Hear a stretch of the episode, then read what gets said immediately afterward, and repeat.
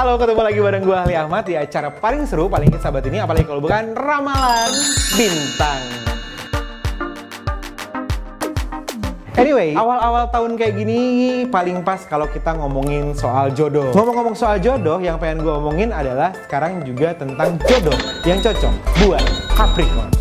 Yang pertama, jodoh yang paling cocok sama Capricorn itu adalah Virgo ternyata. Dia itu dalam berhubungan dengan Capricorn itu bakal saling benar-benar bisa berpikir sama-sama rasional. Kalau misalnya memang akhirnya dia bisa nyatuin semuanya, itu akan jadi hubungan yang paling solid dan bakal ada yang bersedia mengalah nih kalau di kehidupan rumah tangga. Hasilnya yang bakal kalian dapetin dari hubungan ini adalah keluarga yang damai, tentram, sentosa, sejahtera, gemah lipah, roh jenawi. Pokoknya oke lah pokoknya. Yang kedua, ternyata yang cocok adalah Taurus. Kenapa?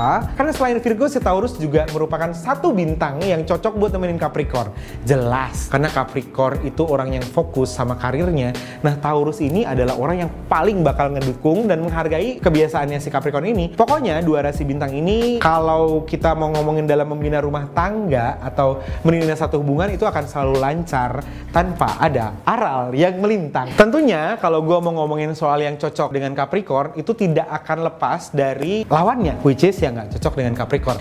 Yang paling nggak cocok dengan Capricorn ternyata adalah Gemini. Kenapa Gemini? Karena kalau udah urusan sama Gemini, itu urusannya udah pasti jadi yang paling ribet sedunia, ngerti kan? Ini akan sangat bertolak belakang nih sama si Capricorn, karena Capricorn nih pokoknya sifatnya udah yang udah pasti, udah fokus, udah ambisius. Sementara Gemini ini orang yang sangat berubah-ubah. Beh, parah banget. Selain dia ambisius kan si Capricorn ini keras kepala ya. Sementara kalau Capricorn yang udah keras kepala harus ngadepin Gemini yang berubah-ubah, kelar hidup lo. Kayaknya instead of lo jadi partner asmara, mendingan lo jadi partner kerja. Justru yang kayak gitunya akan saling mengisi dibanding kalau misalnya lo jadi partner asmara ya. Kelar sih hidup lo, serius, kelar banget. Selain Gemini yang kedua adalah Leo.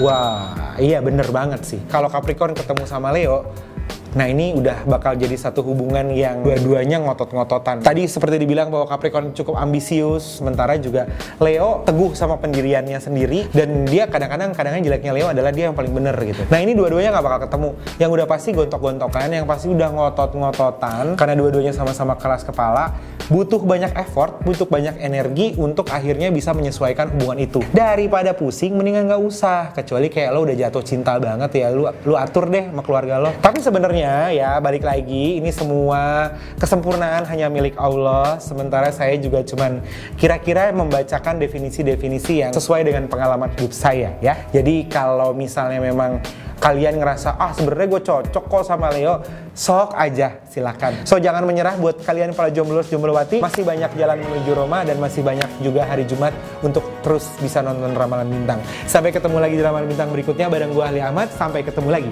Bye bye